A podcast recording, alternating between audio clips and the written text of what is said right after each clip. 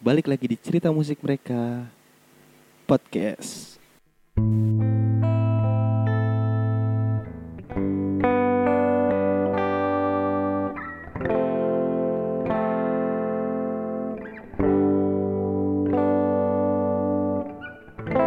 Yo, balik lagi. Ya, Itu deh pokoknya. Gue hari ini gak ngundang orang nggak ada bercanda-bercandaan lagi sama orang nggak ada ini. Bukan konten terakhir sih sebenarnya cuman gue mau nunda untuk ngobrol sama musisi-musisi karena lagi situasi seperti ini yang menganjurkan kita untuk di rumah aja gitu. Ya gitulah pokoknya. Bosen sih. Bosen nggak kak? Bosen bosen nggak bang? Bosen. Ya pasti lah bosen. Gimana sih? Ya lu di rumah berapa hari ya kan? Dari sebelum puasa sampai sekarang mau lebaran gitu kan. Di rumah lanjut nanti sampai Juni katanya kalau nggak salah ya. Atau diperpanjang gue nggak tahu. Atau dipercepet gue juga nggak tahu gitu kan. Gue belum baca baca berita juga sih. Ya maaf ya. Oke. Nah. Jadi hari ini apa bang? Jadi hari ini apa kak? Hari ini? Hari ini gue mau apa ya? Gue juga bingung sih hari ini mau ngapa. Cuman mungkin gue kangen karena nyapa kalian semua gitu kan Peres banget gue. Ya, jadi gue di kamar gue ya ini nggak video sih, cuman rasakan saja keheningan gitu. Keheningan di podcast ini gue nggak jelas banget bang. ya pokoknya gitu.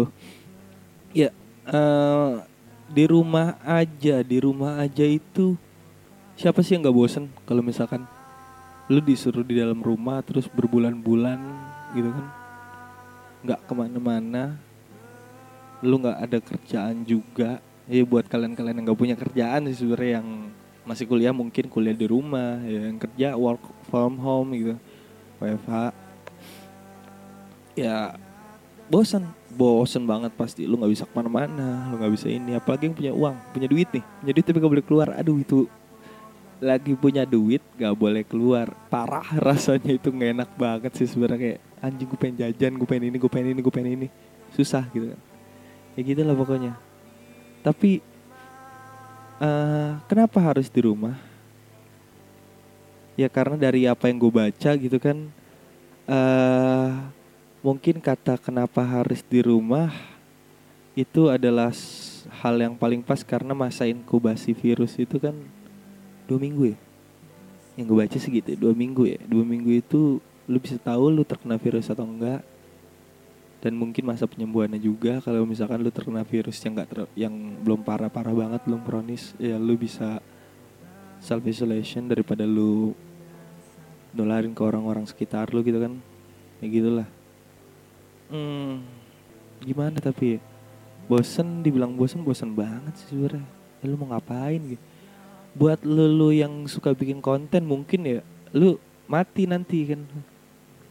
Lagi bikin kon lagi kemarin pas baru-barunya work from home baru-barunya di rumah hashtag di rumah aja naik gitu kan ya. Mengikuti di rumah itu bikin konten bikin apa segala macam ya kan. Wah itu ide keluar tuh banyak. Yang mungkin nggak pernah di rumah apalagi kan. Oh tiba-tiba oh gue bikin ini gue bikin ini begini cuman lama kelamaan habis. Pasti pasti habis. Lama kelamaan itu kita sadar sana berinteraksi dengan orang itu adalah hal yang wajib gitu.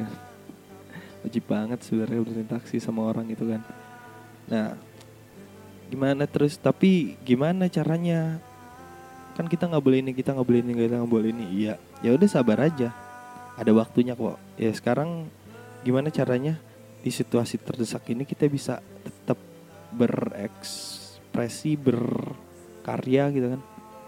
Mereka-mereka yang entertainer juga semuanya kayak gitu kok. Banyak kan yang sekarang udah mulai live lewat zoom gitu kan. Mereka dari rumah terus live lewat zoom untuk menghibur orang-orang yang sedang di rumah untuk menghibur dirinya sendiri juga gitu kan karena ada kerjaan apa segala macam yang tadinya kita asik gue libur nih gue libur akhirnya. Anjrit gue kapan masuk ya gitu. Yang sekolah.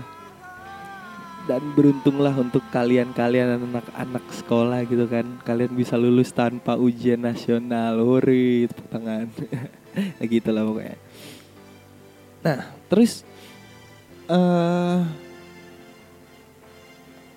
kami harus bertahan sampai kapan gitu kan pertanyaan yang jadi pertanyaan besar sih sebenarnya itu kan kami harus bertahan sampai kapan? Untuk mereka yang orang untuk mereka mereka yang musisi gitu. Apalagi kan yang mereka nggak ada job sama sekali sekarang eh, nggak uh, mungkin kan musisi-musisi yang suka ngisi di kafe atau segala macem mereka mengalihkan lewat zoom. Orang minum kopi beli di ini terus dikasih link zoom. Mm, mm, mm. garing sih garing banget itu kan. Kayak apaan sih ini orang? gitu ya kayak gitulah lebih tepatnya. Ya yang pertama sabar sih menurut gue ya. Saran dari gue yang pertama sabar karena ya gue juga udah nggak kerja gue udah nggak ini juga gara-gara hal-hal kayak gini. Ya yang pertama intinya sabar dulu. Itu sih. Terus yang kedua uh, coba aja berkar coba berkarya gitu dengan hal-hal seadanya. Kalian ya apalagi musisi gitu musisi-musisi nggak gue nggak punya ini bang. Gue nggak punya sound card gue nggak punya ini. Tapi lu punya kepala gitu kan. Lu pun lu bisa mikir gitu kan. Manusia kan dikasih akal untuk berpikir gitu kan. Itu yang membedakan antara manusia sama binatang gitu. sama makhluk lainnya. Nah manusia itu punya akal untuk berpikir gitu. Ya udah berpikir gue berkarya uh, lu mau tetap berkarya ya, lu harus lu harus tetap berkarya sebenarnya lu harus tetap berkarya gitu kan. Jangan mati karena gitu aja. Yang tadinya kita lagi populer dengan lagu cinta dengan keadaan kayak gini populer dengan lagu-lagu yang bisa memberikan semangat mungkin. Atau lagu-lagu yang menceritakan gimana depresinya lu di rumah gitu kan. Itu kan jarang gitu. Ya perlahan-lahan kita bisa bisa lah gitu latihan buat latihan mereka buat latihan lu, lu pada yang emang musik gitu kan musik juga butuh latihan. Yang tadinya jarang buat latihan di rumah gitu kan sendiri mulailah gitu. Enak kan? Bisa latihan bisa berjam-jam dalam kamar latihan gitu kan. Main gitar misalkan gitar lu latihan gitar lu gitu kan. Terus lu buka video YouTube lu cek lagi apa yang pengen lu pelajarin lagi gitu terus main drum juga main bass. Latihan nyanyi sekarang ada tutorial latihan vokal ya kan? Atau lu yang mau mengeluarkan dananya lu bisa ikut les online gitu kan? Wah sekarang lagi banyak banget. Sekarang kesempatannya gitu. Sekarang kesempatannya buat lu mupuk diri lu dulu. Ketika ini dibuka lu keluarin semuanya. Wah itu gokil sih sebenarnya. Ketika ini dibuka lu udah punya bekal ya kan ketika uh, eh, PSBB ini udah udah kelar ya lu udah punya bekal lu bisa ini bisa itu lu bisa lu punya ini lu punya itu lu punya bakat ini lu punya keterampilan ini akhirnya lu bisa lu gabung dengan orang-orang gitu. Eh kita bikin project bareng. Mereka udah punya bekal-bekal sendiri kan. Buat keluar. Sebenarnya enak sih sebenarnya. Ya kalian jangan mikir cuman ini kapan kelar ini kapan kelar gue gimana gue pengen keluar gitu. Ya cuman itu sebenarnya emang PSBB ini ada sisi negatifnya yang kita nggak bisa berinteraksi sama orang kita bosan kita segala macam cuman jangan lupakan ada positifnya juga yang positifnya kita nggak nularin orang kalau misalkan kita kita kena. Kalau misalkan kita nggak kena kita nggak tertular. Kita bisa kumpul sama keluarga yang emang lagi kumpul sama keluarga bisa mendekatkan diri yang emang lagi yang ngekos sendiri terus nggak bisa pulang kalian bisa lebih tabah menjalani kehidupan kosan-kosan itu gitu. tanpa hal-hal yang biasa kalian lakukan kalian bisa mencoba melakukan hal, suatu hal yang baru segala macam kalian bisa mengeksplor diri kalian lagi gitu. Ya sebenarnya karena itu sih. Ya mungkin banyak yang belum sadar gitu kan. Tapi masih banyak orang di luar. Ya banget sebenarnya. Kalau untuk mereka yang kerja sih it's okay. Karena ya situasi kayak gini dalam situasi situasi krisis yang kayak gini itu pasti ber, berkecimpung juga masalahnya sama masalah ekonomi. Banyak orang di PHK banyak orang yang diliburkan dan tidak mendapat gaji. THR apalagi ya kan? Lah banyak sih sebenarnya. Dan itu jadi masalah. Ya jadi masalah. Pasti jadi masalah gitu kan. Tapi ya untuk kita kita yang masih muda untuk lo, lo juga yang masih muda gitu kan yang masih mungkin masih kuliah gitu, ya kan? Apalagi yang masih kuliah. Lu keluar gitu. Lu nggak ngeliat gitu kan. Mungkin lu nggak ngeliat gitu. Mereka yang keluar itu sebenarnya lagi nyari sesuatu nyari uang ya kan? Mereka kan kerja gitu. Mereka yang kerja kerja kantor atau kerja apa pun mereka kerja untuk mencari nafkah untuk keluarga di rumah agar tetap aman. Lu lu pada keluar buat main ya kan? Ya Elah gitu. itu mah terserah lu sebenernya gue gak terlalu nyalain itu cuman lu mikir dong harusnya. Pikir gitu. Lu dikasih akal buat mikir nih gitu kan. Mikir gitu. Kalau gue keluar imbasnya apa? Imbasnya ke gue doang apa ke mereka juga? Ke mereka juga. Cara nggak sadar lu sebenarnya lu nggak cuman membahayakan lu sendiri. Sekarang gini kalau misalkan lu tinggal di rumah sama keluarga lu dan lu masih keluyuran, ya kan? Masa inkubasi virus kan katanya dua minggu, ya kan? Lu keluyuran tiap hari misalkan gitu. Lu pulang lu ketemu keluarga lu. Lu punya orang tua yang mungkin udah tuh, udah di atas 60, 50, 59 di atas itu deh pokoknya. Ya udah 60-an deh ke atas gitu kan. Lu punya orang tua yang kayak gitu, yang umurnya segitu nah lu nggak tahu lu terkena apa enggak nih karena belum kelihatan nih ya kan? Ada kemungkinan nggak mereka buat kena? Ya ada gitu lu satu rumah sama mereka gitu ada kemungkinannya buat kena.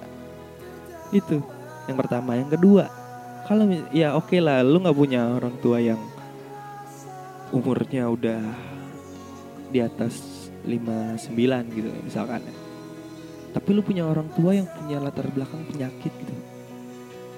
Latar belakang penyakit. Dari yang gue baca dan gue dengar, orang-orang yang punya latar belakang penyakit pak uh, pernafasan dan jantung katanya itu lebih rentan gitu. Apalagi kanker. Nah itu. Nah kalian punya orang tua ya atau enggak adik atau kakak gitu? Atau saudara yang ada di rumah? Pulang. Kalian pulang ke rumah. Ya kan? Terus tanpa sadar mereka ketular gitu. Itu kan kayak salah kalian juga. Mereka meninggal. Apa kalian nggak merasa berdosa untuk uh, merasa berdosa karena telah membunuh mereka? Atau kalian tanpa sadar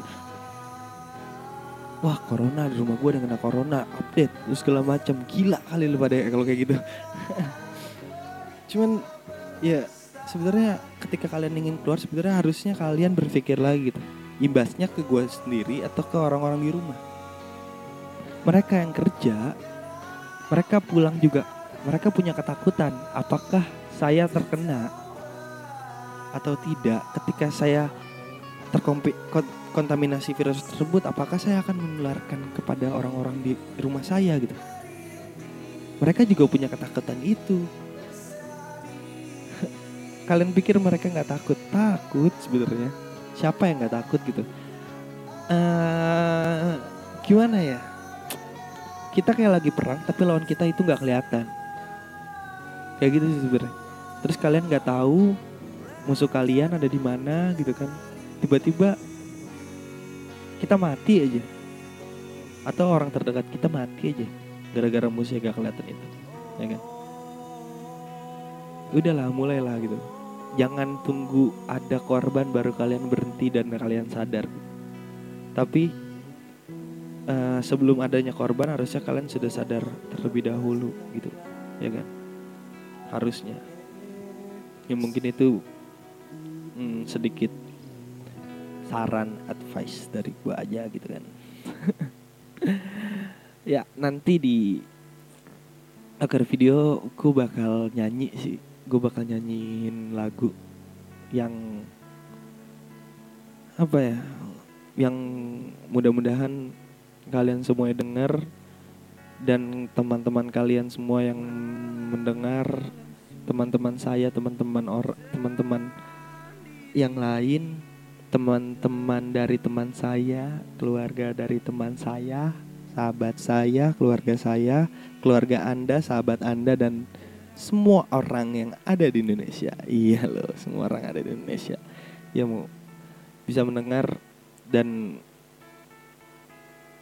hmm, bisa bersabar sebentar lagi bisa berjuang bersama sebentar lagi gitu kan.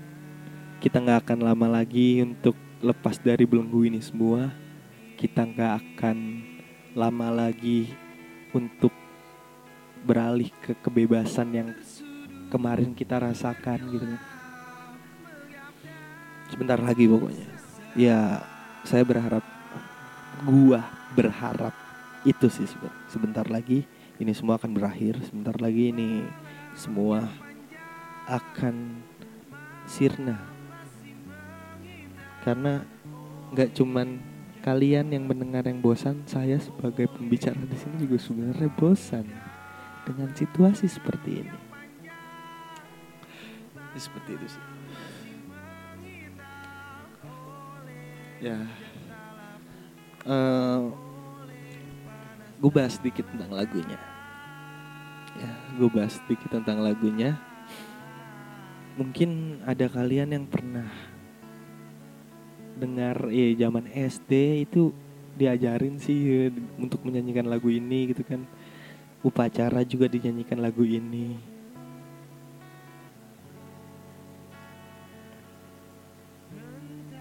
ya kan? Uh, kalian masih kecil ya, ataupun yang sudah dewasa kalian membeli buku uh, buku lagu wajib gitu. Kalian pasti dengar lagu ini gitu loh. Ya gitulah pokoknya. Nah jadi gini. Judul lagu ini adalah Ibu Pertiwi. Ibu Pertiwi yang ditulis oleh Ismail Marzuki nah jadi gini Ibu Pertiwi adalah lagu patriotik.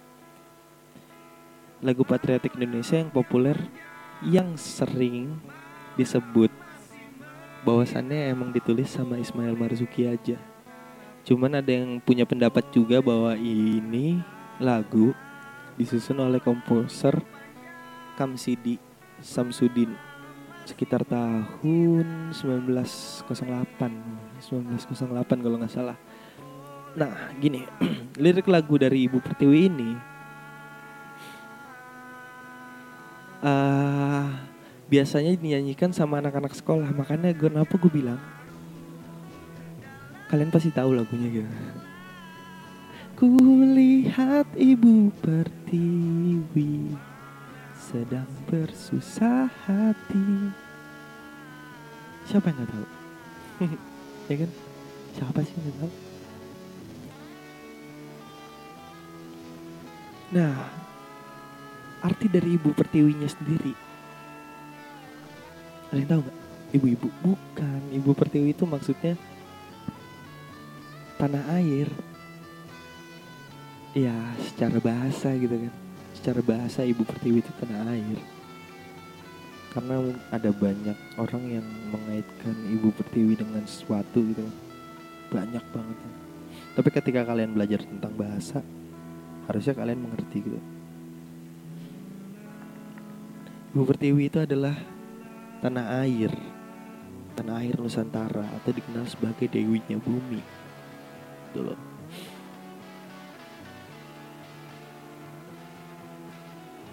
Nah selanjutnya.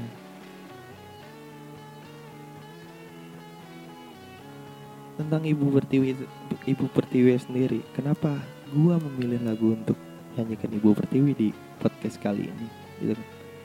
podcast kali ini ibu pertiwi karena kenapa karena yang pertama gini uh, nggak cuman kita sebagai anak dari Ibu Pertiwi yang bersedih terhadap kejadian ini. Ibu Pertiwinya pun sedang bersedih. Nah, alasan gue menyanyikan lagu ini untuk sebagai sentilan sebenarnya sentilan untuk mereka-mereka gitu. Yang putus semangat menjalani situasi seperti ini yang menyerah yang masih membangkang dari apa yang seharusnya kita lakukan gitu mungkin. Ya itu mah kepribadian mereka lah mereka mau dengar apa enggak gitu kan serah cuman gue masih berusaha gitu. Berusaha untuk melerai itu semua.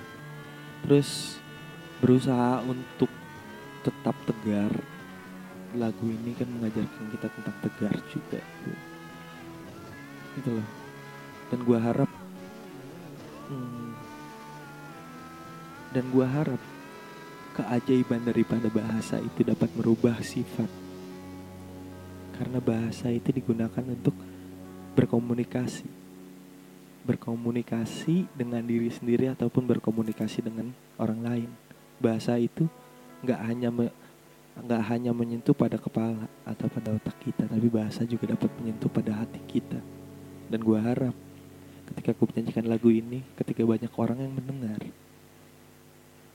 gue dapat menyadarkan orang-orang. Dan gue dapat memberikan semangat orang-orang. Sebenarnya ini rasa terima kasih untuk mereka-mereka pak. Iya iya gue lupa. Mereka-mereka yang di garda terdepan. Ya garda terdepan.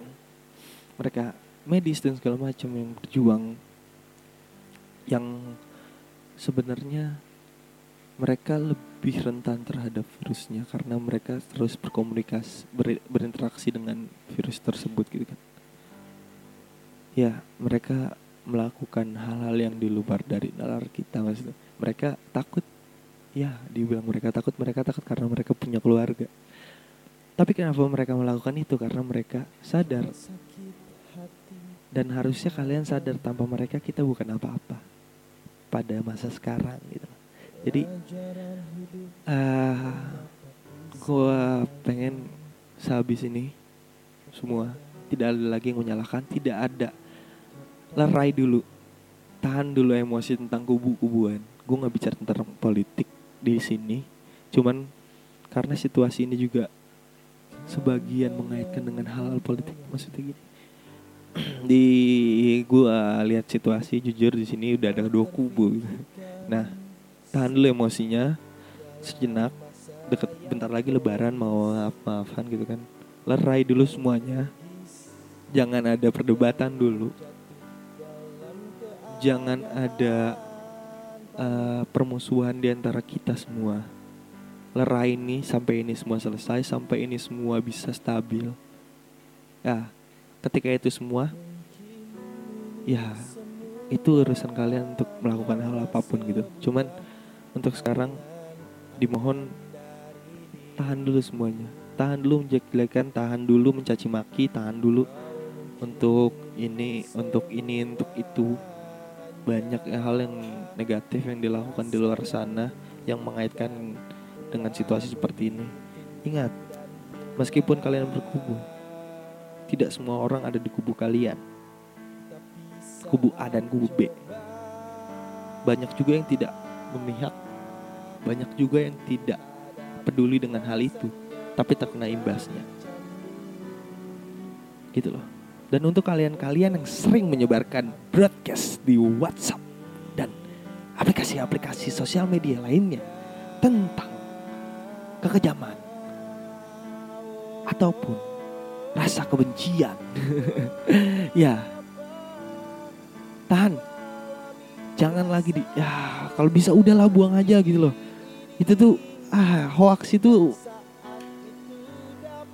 hoax itu mungkin bisa dijadikan sebuah uh, bisa dibilang sebagai suatu kejahatan yang besar buat gua karena kenapa? Karena hoax itu mempengaruhi kepala.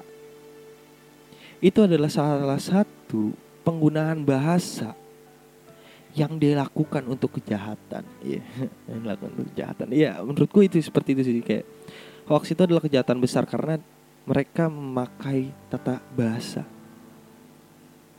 Bahasa Indonesia. Ya khususnya di Indonesia. Bahasa Indonesia yang kita guna-agungkan digunakan untuk kejahatan seperti itu. terus etis? Enggak. Untuk menipu aja. Bahasa digunakan untuk menipu aja kadang-kadang kalian suka emosi apalagi bahasa digunakan untuk kejahatan untuk kepentingan mereka sendiri gitu. Iya, emosi pasti. Jadi buanglah gitu loh, nggak usah lagi lah ada sebar sana sebar sini sebar sana sebar sini emang enak enggak? Udahlah kita normal-normal aja, kita jalani kehidupan seperti biasa saja. Kita tunggu itu semua dan yang yang balik lagi yang untuk kubu-kubu itu tolonglah diredam sedikit jangan dulu untuk meri mericukan suasana. Dan untuk kalian-kalian yang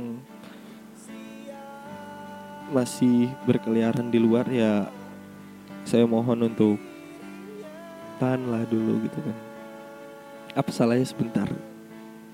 Kalau kalian mengaitkan tentang saya bosan ataupun saya penat di dalam rumah nggak cuman kalian tapi mereka-mereka juga yang ada dalam rumah penat gitu loh jadi seperti itu saya harap bahasa dapat menyatukan kita saya harap bahasa dapat menyentuh hati kita semua saya harap Ibu Pertiwi pun tidak terlalu sedih untuk mendengar bahwasannya mau putra-putri mereka sering berantem di sini.